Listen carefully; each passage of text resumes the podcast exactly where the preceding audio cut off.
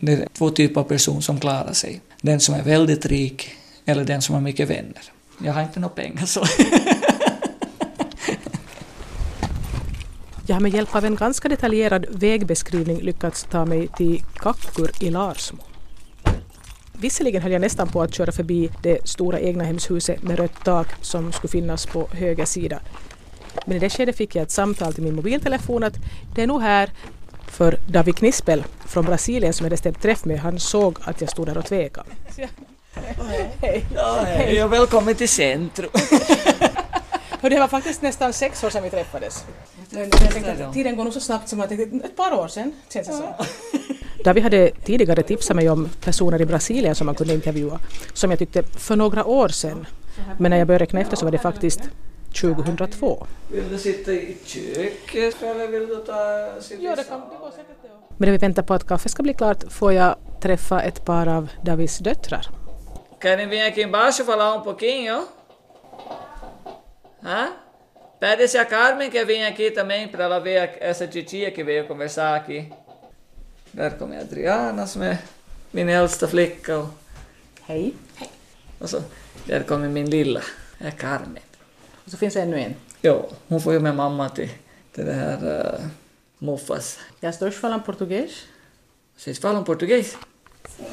Elas entendem o português, mas elas... eh, Men det här... De förstår det här portugisiska, men de, de det här svarar alltid på svenska. Men de förstår allt ändå. Ja. A Carmen vai contar para a titia onde é que você vai na- no dia da escola, no trabalho. Onde é o teu trabalho? Kindergarten. E o que que vocês falam lá no kindergarten? Engelska. Jag får veta att Carmen går i barnträdgården och att hon där lär sig engelska. Men vilken klass går du på? Eller gick du på? Ska du vara på sjuan då? Ja. Ja, que eu ficar por aqui? Men du kan börja med att berätta liksom vem du är, var du växte upp och när du kom till Finland sådär. Jag heter ju David Knispel och jag är född i Brasilien. Och på en fjärde generation så är vi redan tillbaka i, Tyskland och Polen. Mina förfäder är därifrån. Och eh, har bott eh, 22 år i Brasilien, där i olika regioner och olika städerna där. Och, så att eh, på grund av min far, han var ju pastorn, så vi flyttade väldigt mycket där och, och hade olika församlingar som vi öppnade alltjämt och, och följde med utvecklingen där. Pastor i vilken sorts församling? I baptistförsamling.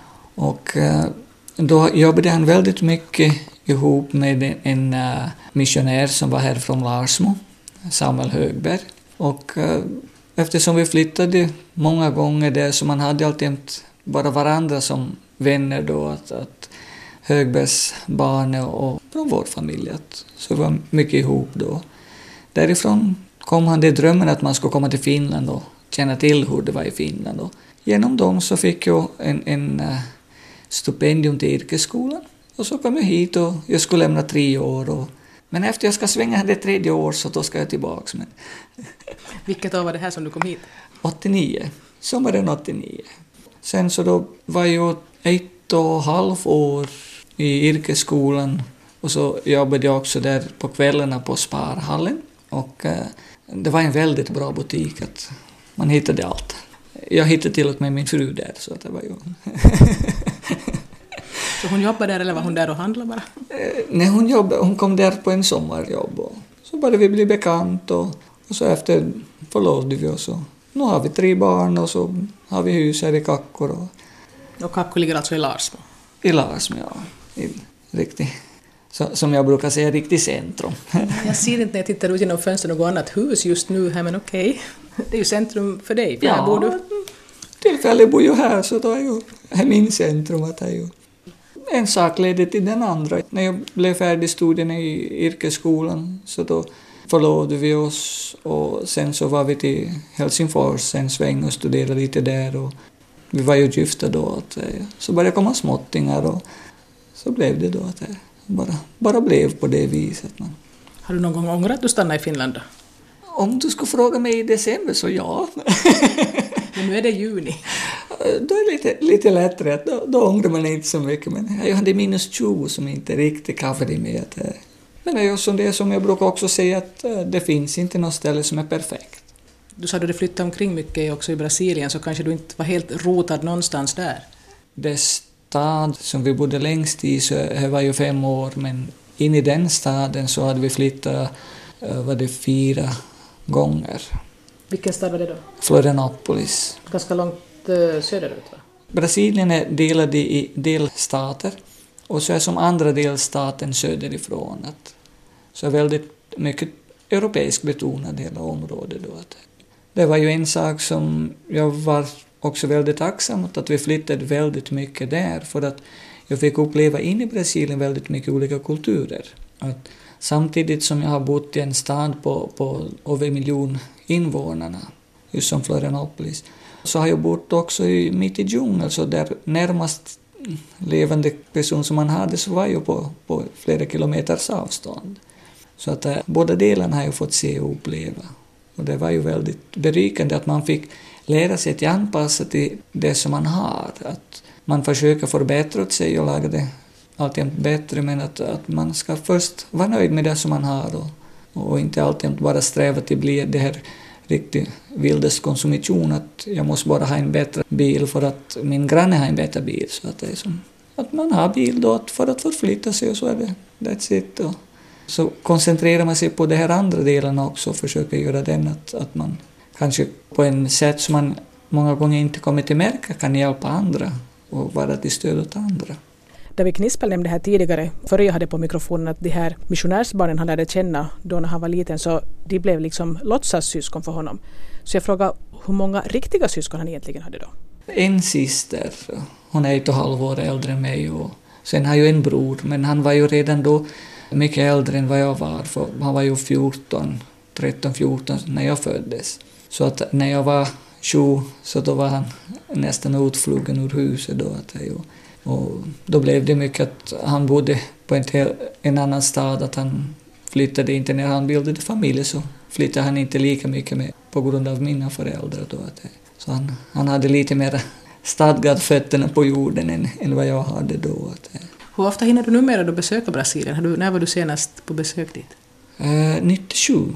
Då var vi senast dit. Och då var ju det här äldsta flickan, hon var ju ett och ett halvt år. Hon äh, kommer ihåg mycket därifrån på grund av de små kassetter som vi hade, och vi hade filmat väldigt mycket där. Och så olika saker som hände. Att en sak som var ganska roligt när hon var liten, när vi var i Brasilien så stampade min syster fötterna på backa och, och sa ”Pra fara”, sai, åt hunden, så att mm. han skulle fara ut ur huset. Och så en dag så kom vi och hälsade på en, en familj här i Finland och så kom en hund närmare till det så började hon stampa foten på, på golvet. Sai! Sai! Saknar du Brasilien? Att du tycker att det skulle vara kul att träffa folk där och sådär? Ja, nu har man alltid och det blir ganska mycket det sånt att man nästan som gräver ner sig i arbete istället så att man, man inte märker att det saknas så mycket att man tar nästan emellanåt får mycket uppdrag så att man, man alltid inte är igång. Under vintertiden så brukar vi ha, hjälpa till i församling här i söndagsskolan, här i Kackor. Och för två år sedan så var jag med också i den här konferenskommissionen till, till Bennis när baptisterna firade 150 år. Och, och så är jag med också i Hem och skolan förening och så man är alltid aktiv i olika ställen där. Att man, och så då vi hade inte något annat att göra så byggde vi husen på. Byggde du själv? Inte första våningen. Första våningen tog vi nyckeln i handen. Men vinden så inredde vi alltihopa, jag och svärfar. Och då blev det lite långa dagar. Att man var ju på morgonen, klockan sex steg man upp och så får man till arbetet och sen så man kommer så får man upp på vinden så klockan elva, tolv så kom man ner och då, då hade man dagen till ända. Men det var ju ett eh, intressant upplevelse också. Att det, hur mycket man kan utföra fast man har barn och, och familj. Och, fast vi byggde då att det enda som, som vi lämnade bort så var ju att flickorna brukade vara på ballett och den halvår så då hade vi dem borta från ballettet. För att ingen hann föra dem dit och sådär va? Eh, ungefär ja. Hur kommer det sig att det är just Larsmo ni bor i? Är din fru härifrån kanske eller? Nej, men just på grund av det här, när vi kom från Helsingfors så då hade jag arbete vid strandcamping och körde taxi där och så skaffade vi vår första bostad där i Holm i Larsmo. Då började vi ta mera kontakt med församling här i Kakko då. Och sen när det blev att, när vi kom i tanken att vi skulle bygga så då blev det att hittade vi en snygg tomt och kom överens om priset. så. Då blev det kackor då att det var ju lite var ju också det här barnet som då påverkade det här val för att en gång som de var redan i skolan där båda äldsta då att, så det var lite där att eh, ska vi flytta helt och hållet eller ska vi låta dem ha det här vänskap som de har här då. Eftersom vi trivdes bra med, med gemenskap i församling och, och så det hittade vi en bra tomt. Så vi tyckte det var passligt. Eh, så för tillfället är vårt hem här att det ju, man får se sen vart vi hamnar efteråt att det ju. Har ni någonsin diskuterat att ni skulle alla flytta till Brasilien? Jo, no, emellanåt så diskuterar vi och så funderar man lite och, och så vad det man planerat. Det finns alltid en så det är lite baktanke där att, att någon gång att man skulle fara just då. Kanske vara där några år och sen komma tillbaka. Där, att det är ju. Men att äh, ännu har inte kommit an det riktigt att vi ska nå iväg till och, och vara där en, en tid. Att, men att vi ska se. Jag frågade någonsin vad du studerar förresten? I yrkesskolan så var jag det här automationsmontör. Och så i Helsingfors så läste jag till, till data och telekommunikations, men att, äh, på grund av det här familjen så blev jag som avbrutit de studierna där. Att jag, så, sen då jag kom hit till, bara som taxichaufför då där i Strandkampen och hjälpte i butiken och allt. Och, men efter en tid så det var ju det här på grund av en fel som jag hade i ryggen så då det, det blev eh, för tungt belastat så det att jag klarade inte av till, till ta så de långa dagarna. Och då sökte jag ett eh, jobb och, och, fick en jobb där i Bosund och jobbade som produktion på en kablagetillverkningsföretag. Och där utvecklade jag från produktionen då så kom jag in sen som assistent och sist så var jag ansvarig för produktionen där då, under några år. Och sen så då slutade jag där och så var, var jag lite sådär på, på egen vågorna om man ser på det här viset. Alltså nu är jag ju som i, till Jakobstadsstaden och lär mig finska för att samtidigt som jag sökte väldigt många olika tjänster och jag tycker om att arbeta med människor och med språket. Uh, samtidigt som jag har väldigt stark språkkunskap så är jag också akilleshäl min, just på grund av finska. Där, uh, eh, jag kan en sån där vardags small talk, det skulle gå ännu till till klara sig, men att eh, ska man bara förhandla och, och sådana saker då, då är det lite för kort. Då. Och då tyckte jag att okej, okay, att nu ska jag ta och lära mig finska det här året. Så där.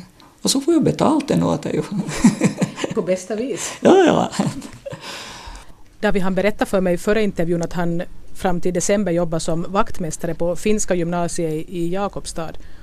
Det öppnade sig just en möjlighet att det var ju en, en vän till mig som är ansvarig för det här servicepersonerna där i Jakobstad. Och eh, en av den där personerna skulle vara på en alterneringsledigt så då tog jag chansen och så. Så att tills december så ska jag vara på finska och sen, sen får vi se vart jag hamnar. Där ju. Du verkar ta det så ganska lugnt att det, det hittas en lösning. No, jag har alltid det motto att arbete finns. Alltid arbete finns. Att det är ju, om man vill arbeta så hittar man. Och jag har aldrig varit så riktigt kräsen att, att ja, nu ska jag bara vara en, ja, sitta och, och gånga på stol. Att, ja, det som man behövde göra så gjorde man och så. så det, på något vis alltid man ordnar sig. Att, att, just när man inte är rädd heller. Att, kanske jag skulle kunna vara lite mer rädd och inte vara så självsäker som jag är. Att, jag vet inte, alltså det, sånt är jag. Att, kan också vara just när man blev påverkad när man hade flyttat så mycket så man fick alltid anpassa sig till den nya situation som finns. Och då lär man sig till, till ta som det kommer. Att man, just som jag ser nu är ju det här det som jag skulle vilja just med, med inköp eller försäljning, utländsk handel. Men att eh, för att komma dit så måste jag ha det här finska på ett bättre sätt. Och, så nu försöker du lära dig det då? Ja, mm. så nu tar jag som att nu ska jag lära mig bara finska. Man vet aldrig. Det kan komma vad som helst. Om någon skulle sagt åt dig när du var liten pojke att du kommer att som vuxen man leva i Finland, vad skulle du ha sagt då? Finland, vad då? Vad nej? vad nej? Ungefär ja. Om man skulle ha sagt det när jag var sex år gammal, då skulle jag ha frågat vad, vad är det? För jag var ju där sex, sju år, så då, då började vi få kontakt med det här Högbergs familj och och därifrån så har utvecklat hela det här samarbetet och, och det här vänskap som man hade då. Är det fortfarande hemskt viktiga vänner för dig? Ja, vi, vi brukar ta så det att vi, vi är som syskon. Att det är ju alltid när de dyker upp så man har, har våra fester och firar på, på ett vis och har, håller bekantskap vid liv. Och, och där, när man behöver lite hjälp så tar man kontakt och när de behöver hjälp så tar de kontakt. Vi kommer in på det här med att hålla kontakt med släkt och vänner och hur möjligheterna till att hålla kontakt till familjen i Brasilien har förändrats sedan David kom till Finland. 89 när jag kom till Finland så då var jag att man skulle skriva ett brev. Och då fick du vänta igen fyra veckor för att kanske att brevet skulle ha kommit fram. Och så fick du vänta fyra veckor till för att du skulle få någon svar. Ifall att han det första brevet kom fram. Att ringa till Brasilien så var ju som utopi. Det eh, var bara så det värsta panik. Ifall någonting väldigt starkt skulle hända. Och eh, nu för tiden så då kan man sitta många gånger till det fredag, lördag och söndag så samtalar man med, med dem via datorn då istället. Man har ju, och så ser man bilder och allt. Att, och en annan exempel var ju det här när min äh, låtsasyster, när hon hade bröllopssinne så då ringde vi via mobiltelefon till mina föräldrar. Och, där var ju mitt i, i festen där vi, och det var ju en, en rolig sak för att då kunde de vara närvarande på en fest fast de inte var som personlig närvarande. Mm. Att kunna dela med sig den, den delen. Och det är ju bra. Och det är ju, jag kan förstå till och med att många unga så har ju svårt att förstå den där förändring som har skett i världen. Att, att uh, en enkel bild var ju när min dotter kom åt mig och frågade när fick jag min första mobiltelefon. Så var det att när första mobiltelefon jag fick, inte jag fick köpa den och jag var här i Finland och jag var 26 år gammal eller något sånt. Och då fick jag jobba ihop den först. Så det här... Jag tror jag skaffade min första 1997. Mm. Nu är man beroende av det. Ja, man är ju lite där. Och, är ju klart, det är en, en säkerhet, man är anträffbar och man kan nå folk ifall det händer någonting. Men att å andra sidan, man blir ju lite mera fast. Att du ska vara anträffbar. Det är ju många som har, har börjat lära sig den där att man behöver inte vara anträffbar hela tiden. Vi pratar lite vidare om det här med barn som växer upp idag och som har mobiltelefoner och datorer och, och som är vana med att vara anträffbara och uppkopplade hela tiden och som aldrig har varit med om någonting annat. De kanske har tappat bort den där att viktigt att emellanåt att nu vill jag vara för mig själv. Att, att har han det tid för sig själv, att man faktiskt går igenom att vem är jag, vad är jag, att måste jag alltid bli påverkad av någon annan eller kan jag lite som ta, ta mig lite avsides och, och, och se vad, vad är meningen med min liv och, och söka den, den delen. Och så berättade David Knispel om hur det var när han var 18 år. När jag bodde i norra Brasilien så bodde jag ett år ute i skogen och enda sällskap som jag hade så var en radio. Jag var helt ensam, ett år var jag helt ensam där. Varför det då? Eh, min bror bodde på, i, i staden som, som var 30 kilometer längre bort och så jag bodde på landet och skötte om där djuren där och sånt. Och till helgen så kom bror och, och, hans familj dit och då bodde mina, mina föräldrar på ett, i en annan stad, eller i en annan delstat än till och med. Jag hade bara så det är en 4000 kilometer mellan oss nästan. ingen fattar hur stort Brasilien egentligen är, men det är ju faktiskt ett jättestort land. Ja. Just när jag flyttade dit vart min bror bodde där i norra Brasilien så då körde jag från måndags eftermiddag, det var en klockan ett som startade bussen. Och då stannade vi bara för att äta och få till duscha. Och så hade de tre chaufförer som körde i ett. Och sista sträckan var ju en, en 500 kilometer, det var av lera, det var inte asfalt. Och vi kom fram så det är klockan ett på, på söndagsmorgonen. Följande söndag? Alltså ja. från måndag till söndag? Ja. Så det var som sex dagar som vi var inne, inne i bussen där då. Det var ju bra för att man fick ju ganska bra vänner där inne i bussen. det ändrade inte så mycket den där eh, passagerarna. Att eh, det var ju som en rak linje ända från syd till norra Brasilien. Men vad hände med dig i ditt huvud när du var, bodde ett år ensam ute där? Han du, han du fundera mycket på dig själv? Nej, man började lite se där att vad är som är viktigt, vad är det som behövs i världen lite. Så det att, att som yrkesmässigt, att just som med utbildning, att varför ska man ha utbildning, varför inte? Att då, då började jag märka där att, att okej, okay, att kanske inte vill göra det här hela tiden. Att, att, inte något fel med att vara lantbrukare, men det passade inte min, mig. Att som, min stil var inte den. Så började man lite fundera att vad, vad är viktigt där, att är utbildning viktig eller inte, att vad, vad som är intressant och vad, vad man borde satsa på. Så började man lite mogna där och kanske också den där naturliga mognadsprocessen som man hade då, att man, man fick som utveckla mera då. Och efter hade ett år där så kom jag fram till att, nej, kanske jag är bäst till, till att studera för att jag var väldigt lejd i skolan och allt. Just då jag kom till det jag 18 år då. Så jag var aldrig någon sån där riktig eh, geni i skolan, att hade bra betyg och sånt, men att uh, man klarade sig. Sen så då började man märka att uh, kanske man skulle borde satsa mer och, och man fick den där motivationen. Istället för att uh, det kan hända att om de skulle ha pressat mer att, att när du ska ha en utbildning och ska hitta en karriär, att man skulle ha kanske helt valt någon, någon karriär som man skulle ha ångrat sig hela livet. Och, och det är ju en, en viktig sak där att om man inte trivs med någonting så då, det finns möjlighet att varför inte, att man kan byta och så man kan börja om och det kan ta lite längre än, än åt en person än, än åt den andra till utföra en viss sak, men att allihopa kan lära sig. Att det, men det är en sån egen inställning som jag har. Jag ska ta och spilla lite kaffe åt dig så då har vi lite. Tack. Hur viktig är den här församlingen för dig nu för tiden? Det var ganska viktigt att äh, troet har varit hela tiden en del av mitt liv. Så att det är ju, om, om man skulle ta bort själva tro, då skulle inte finnas så mycket av David kvar. Du har ju tydligen vuxit upp i en familj där man har varit troende. Har du mm. någonsin haft en sån period då du har liksom ifrågasatt det? Ja, det är många gånger att man, man har ifrågasatt, men att det är ju ändå när man har sett allt som har skett och allt som, hur man har blivit omskött och, och tagit hand om, att, att det här, man kan inte bara säga, eller jag kan inte säga att det här är bara någon kraft som finns. Att det, det finns någonting mer än, än, än bara någon sån universum påverkning av någonting. Det, det finns någonting realt, någonting riktigt starkt bakom allt. Och, och det är ju många gånger där som man inte själv förstår. Det är många saker som har hänt i mitt liv som jag inte förstår varför det har hänt och, och, och vad det kommer att leda till. Och kanske till och med bra att många gånger jag inte vet varför det har hänt eller vad det kommer att leda till för att kanske då skulle jag bli lite högnäs att det är jag som har åstadkommit det här.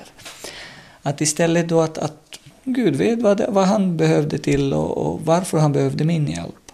Någon gång så har jag fått lite feedback att okej okay, att det här har hänt och, och, jag är här idag på grund av dig, att du har gjort den där och det har påverkat mig. Och det är ju roligt att höra någon gång så det att okej okay, att då, då kan man till och med förstå vissa saker som har hänt i, i som tidigare. Att saker som man, man emellanåt har funderat, vad, vad är det här nu på gång? Att, men det kan hända att med det som jag lever igenom så kan jag påverka andra och vara till stöd och lite till hjälp åt andra. Så församling åt mig är viktig. Ja. En sak som jag också brukar säga väldigt mycket är ju att det, det är två, person, två typer av personer som klarar sig. Den som är väldigt rik eller den som har mycket vänner. Jag har inte några pengar så. Men det här, eh, det går inte heller till mäta alltihop i pengar. Det här, vissa personer som har kommit och frågat men varför gör du det här, du får inte betalt. Och, och jag anser att kanske att den där betalningen kommer senare. Eller det kommer senare. Att jo. Men jag brukar säga att om jag inte får den i, i det här pengarna så då får jag sätta den på högre räntekonto. Han är högre upp. är en sån sak att man beror på lite vad man prioriterar med livet och, och, och, vad man vill där. Det har inte varit din högsta prioritet att försöka bli rik till varje pris då inte? Nej. På pengar? Rik inte på vänner. pengar. Rik på vänner? Ja, det är ju nog. Det har ju som två kontinenter som jag har vänner i och, och, och det är mycket kontakt med och, och väldigt många som man, man skulle kunna säga att man, man skulle kunna lita på väldigt långt och, och få väldigt mycket stöd oberoende i vilken skede av livet skulle det vara. Du verkar som du skulle ha en ganska positiv livssyn, att du verkar liksom, du går inte och väntar i det värsta, du menar att saker nog ordnar sig och du verkar liksom på något sätt... Jag försöker se den på det viset, ja, för att det är ju det finns ju en ordspråk att det som inte dödar dig så stärker dig. Att det är ju det är klart att man ska inte heller leva som vind för våg. Inte ska man bara som att okej, okay, jag har ett, ett arbete nu till december. Så att nu ska jag sitta och rulla tummar till december och sen i januari, första januari ska jag bara se att vad ska jag göra följande dag. Man börjar lite som redan ser där att nu har jag börjat redan ta lite kontakt med olika företag och lite som det, att man ser lite där vad, vad som finns. Och, men att jag tycker att man ska vara ändå som stark i, i det som man uh, åstadkommer och, och, och i det som man kommer överens, att man försöker hålla det som man, som man kör med. Framtiden då? Vad har David Knispel för förväntningar på den här närmaste framtiden? En, en möjlighet till vara just mera med, med, med familjen, med att kunna dela med av den där värderingen som jag har till mina barn. För att uh, en av de här största hjältar som jag har är ju min egen far. Jag har honom som en, en förebild att, att fast han inte hade möjlighet att utbilda sig så högt som han skulle kanske önska sig, men ändå han har åstadkommit väldigt mycket och på, på det viset kunna hjälpa väldigt många människor. Och det skulle kunna kanske vara viktigt om jag skulle kunna åstadkomma någonting sånt och även det förmedla till mina barn så att de också kunna vara en, en sån typ av person som att man inte blir så fäst i, i den här materiella delen av livet som finns. Att man ska försöka utveckla och försöka få förbättra allt åt sig själv och åt andra också. Men kanske att man också har lite mer i tankar där att varför inte hjälpa alla andra när jag har det bra? Så att, att även andra har möjlighet att få en sån där chans till en, en bättre liv i framtiden också. Var det därför som din far valde att bli pastor? För att kunna hjälpa andra? Nej, det var ju en, mer en kallelse. Att, att, men eh, genom att han var pastor och genom missionen där så var han i, i olika projekt och under en lång tid så var han en, eh, direktör för en, en socialarbetare där inne fattade en skola, arbete med indianer och, och, det var en väldigt stor grej som fanns i en, i en liten stad. Så där har jag också lite där att man, man försöker så mycket som möjligt lite ta andra i tankarna och inte bara sig själv. Att det blir ju mycket där att när man har man kommer in i en konsumtionscirkel där att, att man blir väldigt påverkad och försöker hålla den nivå. Att alltjämt ska vara bättre än förra gången och, och sånt. Istället att man, okej, okay, nu har jag det bra, men nu kan jag hjälpa en andra. Och det är ju inte stora saker som, som du ska avstå ifrån. Jag har hört om människor som har avstått från smör. Och vad kostar en smörpaket? Några euro.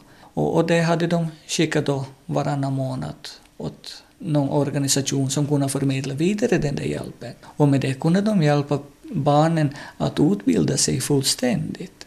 Jag märker att akkun i min inspelningsapparat håller på att ta slut, men jag hoppas jag hinner få svar på ännu en fråga. Är du nöjd med livet? Ja, jag har ju det som, som jag behöver, att det är ju, och kanske till och med lite mer än vad jag behöver. Om man tänker att jag kom 89 här till Finland så hade jag det här 2000 finska mark då tiden. Och nu har jag som försökt utveckla mig och nu har jag en hus, nu har jag två bilar och ja, hus är inte min ännu, jag är bara gårdskarl. Det är banken som äger mig. Men ändå har jag det förtroendet att, att kunna ha en sån där möjlighet att bo i en sån bostad som banken ändå hade tilltro att så säkert har de märkt att man har skött sig. så nu har jag, ja, nu har jag ganska bra Vissa saker skulle jag vilja ha ännu, men kanske det kommer. Vad är det du skulle vilja ha? Ja, kanske, så det, kanske en gång per år, att man skulle kunna få hälsa på sina föräldrar och vara där. Och, eller så kanske att det blir en, i en framtid att man bor där några år och sen kommer man tillbaka. Så att även det här, mina barn ska också ha den möjligheten att se den där andra delen av livet där. För att eh, där är inte så mycket utvecklad än, än här. Pappa, jag öppnar den här delen och så kom mitt i allt så kom den här och fast jag drog. Você abriu ele pelo outro lado? Jag ser. Ja, ja. Ele abriu ele todinho daí. Om det är någonting viktigt jag borde ha frågat dig om och som inte jag förstått att fråga om så ska du berätta det för mig nu. Oj då. har, har du två dagar till?